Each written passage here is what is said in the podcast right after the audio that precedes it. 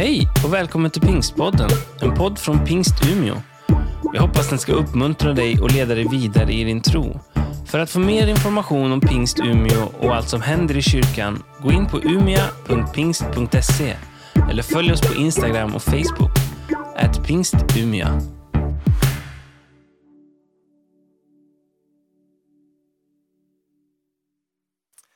Så trevligt att vara tillsammans med er här i Umeå en hel helg. Eh, Gunilla och jag tyckte det var roligt att åka hit och vi funderar på när vi åkte hit, känner vi några i Umeå om? Ja, det kan man fråga sig. Jag heter Stenselius i efternamn, någon som anar var det kommer ifrån? Ja, Lennart Holm, han anar. Jag är sammankallad i en valberedning och han är också med i valberedningen i pingst, för hela pingst, alla styrgrupper och styrelser och sånt där. Så vi har träffats en hel del, Lennart och jag. Men det kommer från Stensele. Är det någon som vet var Stensele ligger? Ja, det vet ni. Där är jag född, det var någon som sa. Ja. Stenselius, det betyder att, att jag härstammar från Stensele. Så ligger det till. Så Västerbottenskuriren har jag läst på somrarna hos farmor och farfar hela mitt liv när jag växte upp. Men i Umeå har jag inte varit så mycket, men jätteroligt att vara här hos er. Fantastiskt trevligt att vara med igår kväll. Riktigt god stämning tycker jag och glädjande att höra församlingen våndas och vänder och vrider på den här frågan om, om, om fastigheter. Sen har jag varit pastor i pingströrelsen i, jag brukar säga i snart 100 år och det, det, är väl nästan så. I alla fall har jag varit föreståndare i nästan 40 år i pingströrelsen faktiskt. Och, och Ulf och jag har ju träffat varandra genom åren.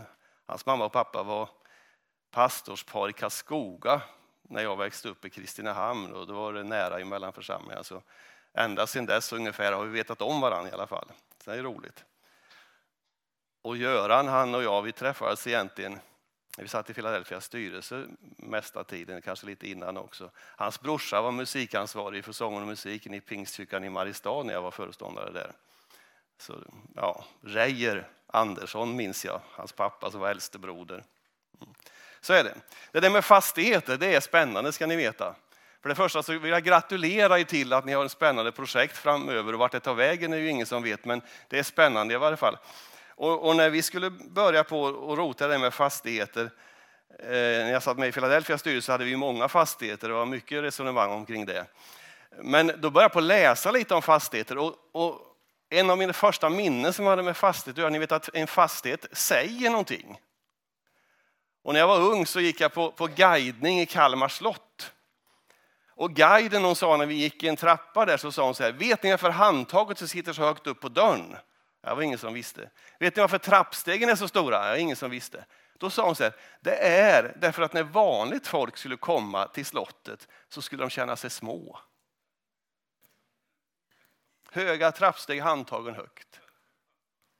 Ja. Varför har oftast kyrkor stora, tunga portar att öppna?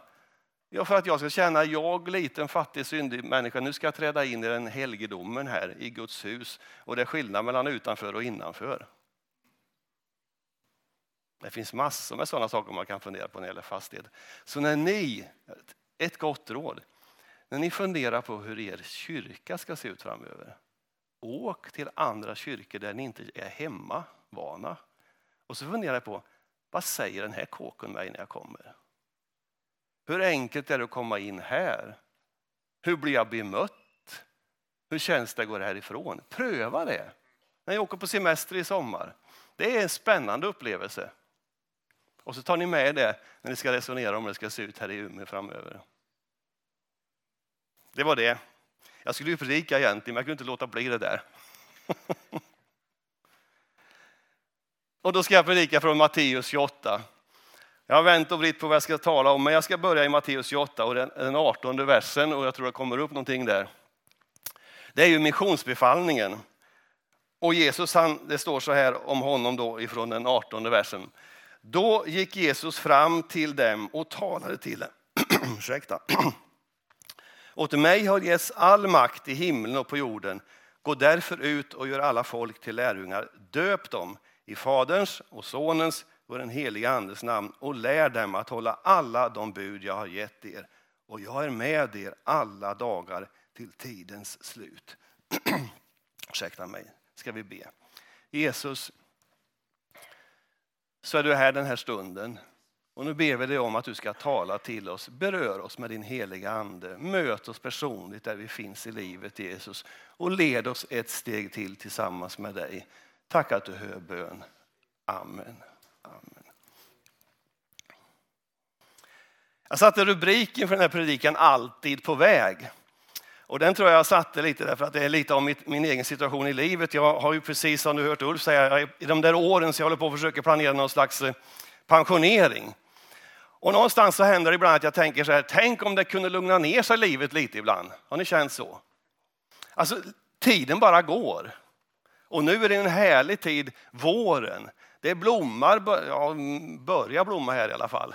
Vi var på Öland i veckan och där blommar det mycket mer kan jag berätta. Det blommar, fåglarna återkommer och allting växer och får liv igen. Visst är det härligt? Ja, tack. Jag vet inte vad som hände i halsen. Det är härligt när det den tiden. Men det är ju så att det är ju obenhörligt så går ju tiden vidare, eller hur? Och snart så står säden där gulnande på fälten eller, igen. Och så blir det en ny höst och en ny vinter. Och så blir vi äldre och äldre. Och ibland så tänker jag så här, vad skönt det vore att kliva av det där tåget på något vis. Få det att stanna upp lite grann. Det kommer en ny måndag snart, ja imorgon. Och så är det fredag och så är det helg och så är det en ny måndag. Allt bara snurrar på. Och ingen av oss kan stoppa den utvecklingen. Vi är alltid på väg någonstans. Du och jag är alltid på väg någonstans. Och vet ni att de beslut vi fattar varje dag i vardagen, det blir livet. De där små besluten vi fattar varje dag om inriktning, vad vi ska göra eller inte göra, det blir livet. Och då är det ju ganska viktigt att fundera på, jag är på väg, det är vi överens om. Vi är alltid på väg. Och då är frågan, vilken riktning går vi i? Och Jesus han säger då så, när han har vunnit seger där på korset, så träffar han lärjungarna så säger han så här, åt mig har getts all makt i himlen och på jorden. Gå därför ut och gör alla folk till lärjungar. För det första så sa han, han har vunnit seger. Och det, jag, det är viktigt att påpeka. Jesus vann en fullkomlig seger på Golgata kors. Den segern är lika fullkomlig idag. Han vann seger över ondskan. Han vann seger över mörkret. Vi ser oss omkring och tycker att, att mörkret segrar ofta. Vi tycker att det är hemskt det som händer i världen. Det är förskräckligt en del saker som händer. Men Jesus seger på Golgata, den gäller idag. Jesus seger på Golgata, den gäller i ditt liv, den gäller i våra liv. Den gäller, han vann en fullkomlig seger. Paulus han ropar ut så här, du död, var är din udd? Du död, var är din seger? Nej, den är borta. Jesus vann seger över döden. Han segrade på Golgata kors. Han vann seger över ondskan därför att du och jag skulle få uppleva befrielse från ondskans grepp. Befrielse från ondskans tvång och istället kunna få leva i gemenskap med Jesus Kristus. Nu börjar jag läsa i vers 18 och det gör vi för det mesta när vi läser missionsbefallningen. Men nu ska jag ställa till det genom att läsa sista delen i den 17 versen. För det står det så här.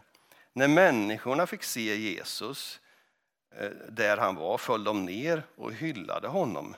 Men några tvivlade. Har ni hört? Jesus vann en fullkomlig seger på Golgata kors. Han uppstod, han var bevisligen uppstånden. De såg honom framför sig, men ändå var det några som tvivlade. Och så tror jag att det är, och ska berätta en hemlighet till för er.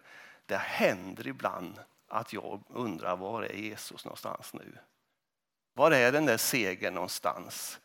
Kan jag verkligen tro på det här? Alltså tvivlet kommer in i vardagen. Hör han mina böner? Lyssnar han till mig? Leder han mig? Tar han hand om mig? Har du känt det tvivlet någon gång?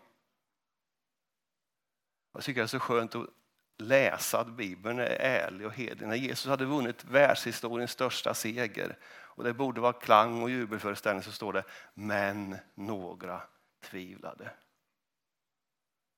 Det är vi. Och ni vet, om man läser Johannes evangeliet när, när Johannes beskriver de där dagarna efter uppståndelsen så kommer man att berätta, vi har sett honom och han är uppstånden, graven är tom. Och så möts man och så har vi Thomas där. Nej, om inte jag får se honom, om inte jag får ta på honom, om inte jag får se såren så kan jag inte tro. Men det är ju fantastiskt att Jesus han, han har någon slags omsorg om oss tvivlare också, eller hur? För så kommer ju Jesus där och så säger han Thomas, här är jag, titta här är såren. Och så uppenbarar han sig särskilt för Thomas, tvivlaren. Och så ropar Thomas, min Herre och min Gud.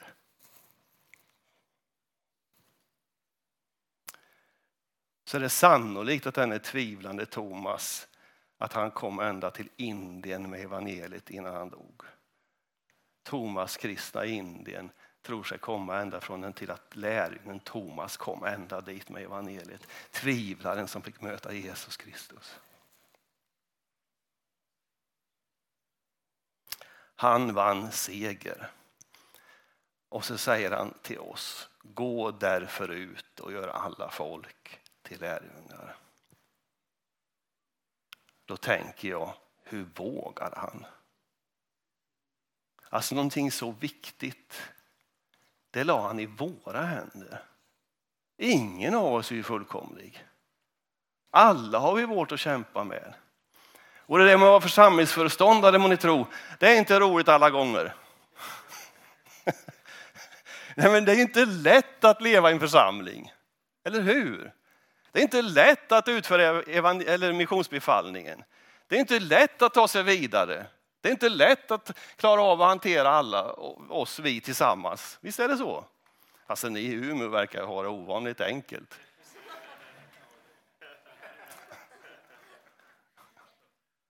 Förresten kan jag berätta att på 70-talet när jag var evangelist i Jämtland, i Krokvåg, kapellet i Krokvåg, så var det så att, att eh, vi gick ut och sålde böcker och LP-skivor och så där också, inte minst för att fylla på eh, så vi kunde fylla tanken, dieseltanken. Dieseln kostade 50 öre litern på den tiden kan jag berätta. Men då hade vi någonting väldigt bra i redskap i väskan. Det var LP-skivan Hela kyrkan sjunger. En sån och man kunde fylla tanken om man fick sälja en sån. Så, så folket i Krokvåg går runt omkring där de har många Hela kyrkan sjunger LP-skivor kan jag berätta för er.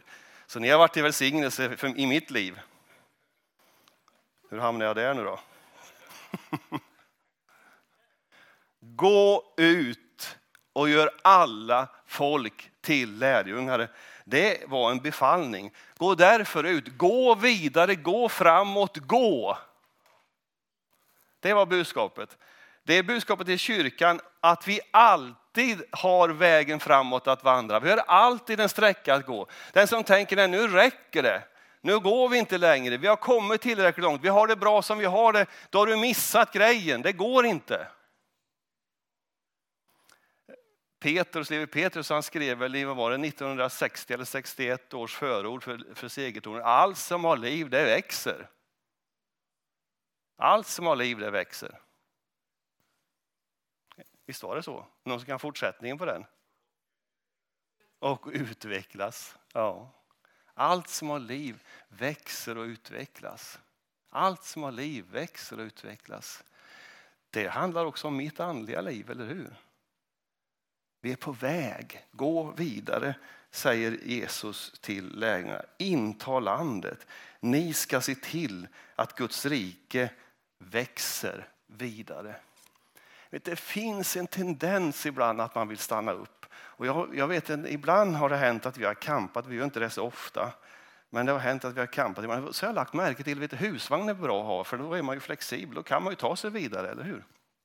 Nu åker ju de flesta husbil i och för sig, men husvagn i alla fall. Då ställer man ju ner den på en camping och så står man ett tag, sen åker man vidare.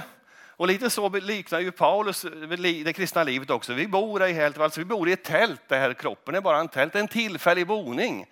Och husvagnen är en tillfällig boning. Men jag har lagt märke till en sak, det finns en del som sätter upp förtält också. Har ni sett några sådana på en camping? Så finns det en del som sätter staket runt förtältet utanför förtältet. Och så finns det en del som sätter trätrall också på det där. Har ni sett det? Ja, men vart tog idén vägen att man ska kunna flytta på sig? Att man ska framåt, att man ska vidare. Men visst har vi en tendens ibland att göra så vi människor. Nej, men det är bra här och nu. Ja, nu räcker det.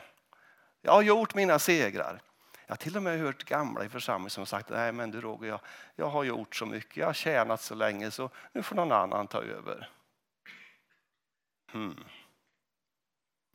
Vi är alltid på väg någonstans. Vilken riktning vill vi gå?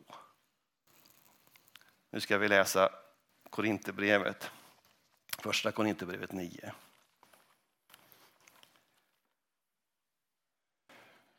Jesus han sa ju att vi skulle gå. Men Paulus, han hade inte tid att gå, han sprang. Första Korinthierbrevet 9, vers 22.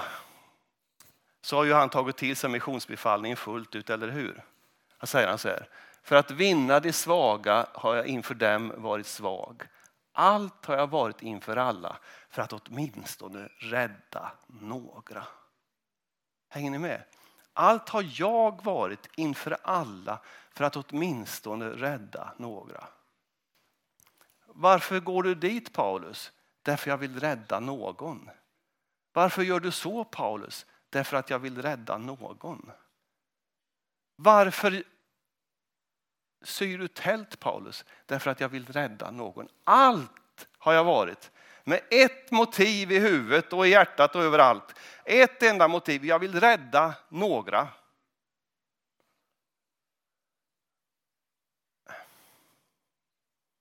Då fungerar det inte att säga så här, nej men det där tycker inte jag om.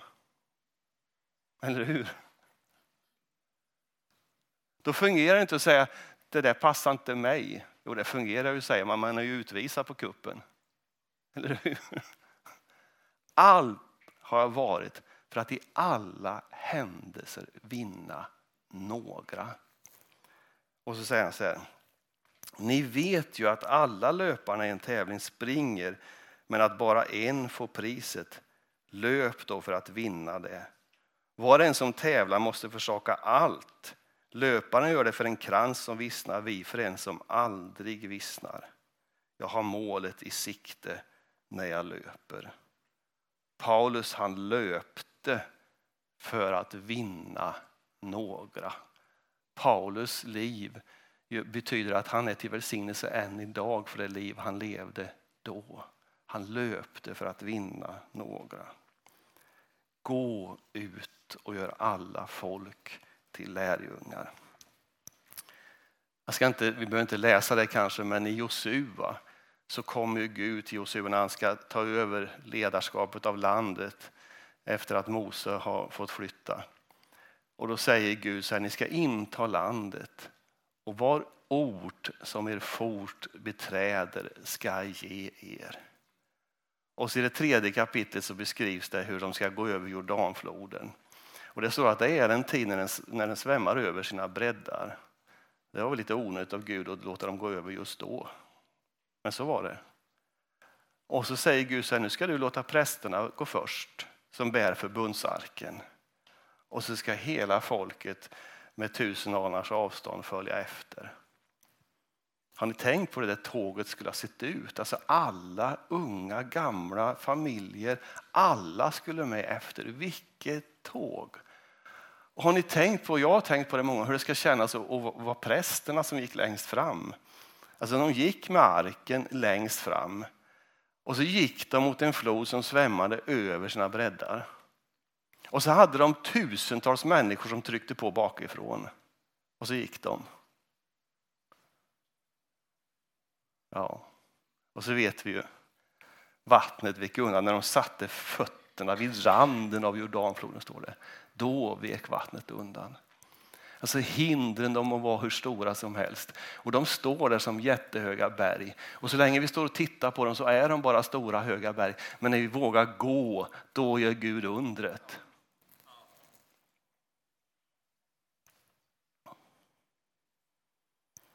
Vi ska gå för att göra alla folk till lärjungar. Vi vill vinna människor, eller hur? Umeå behöver Jesus. Umeå behöver få uppleva frälsning. Människorna behöver få uppleva förvandling, upprättelse och liv.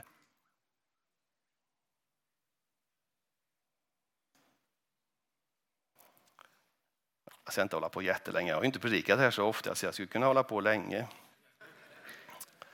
Men jag ska inte göra det. Men gå, gå. Ta ut riktningen och gå. Du personligt, tillsammans i församlingen. Och så säger Jesus så här. Och jag är med er alla dagar tills tidens slut. Jag är med er alla dagar till tidens slut. Han har lovat att han kommer inte överge oss. Han har lovat att han kommer välsigna. Han har lovat att han kommer att göra under. Och vad vi behöver, jo då tänker jag, då formas det en bön i mitt hjärta. Jesus, fyll mig med din ande. Ge mig kraften så att jag kan gå. Då kanske du tänker, ja men det, är väl, det låter ju nästan som gärningslära detta. Ja, men det är inte det. Ni vet att när, när Paulus skriver i Fesebrevet 8-10 så säger han så här. Ty, ja, titta, den fanns ju den också. Ty av nåd är ni frälsta, inte av er själva. Guds gåva är det. Genom nåd, genom nåd. Det beror inte på gärningar. Ingen ska kunna berömma sig.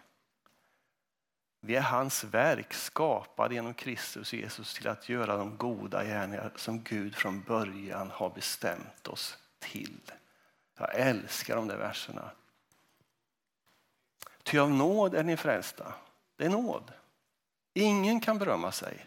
Det är nåd och bara nåd.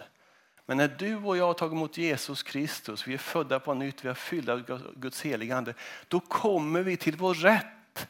För då kan vi göra de goda gärningar som Gud från början har bestämt oss till. Vill du blomma ut som människa, låt dig fyllas av den heliga ande.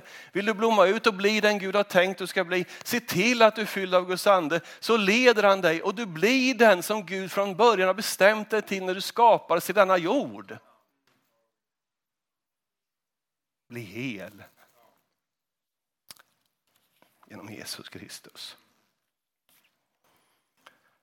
Så läste jag för en tid sedan, det kan, kan ni ta med er en del av er i alla fall när den heliga ande föll på pingstdagen så står det att då kommer ju anden och så händer det och det och så. så. Och så står det att gamla män ska ha drömmar. Tänk att hela livet så kan vi få drömma och visionera om framtiden. Gud vill möta oss så vi kan vara de man har tänkt vi ska vara. Ska vi be.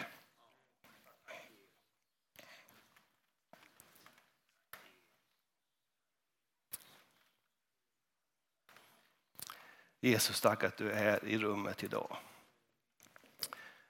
Du är här därför att du älskar oss och du är här som segraren. Tack att du ser om det är någon som har tröttnat längs vägen. Tack att du är här för att förnya och ge ny kraft, ny glädje. Och tack att du möter oss personligt. Amen.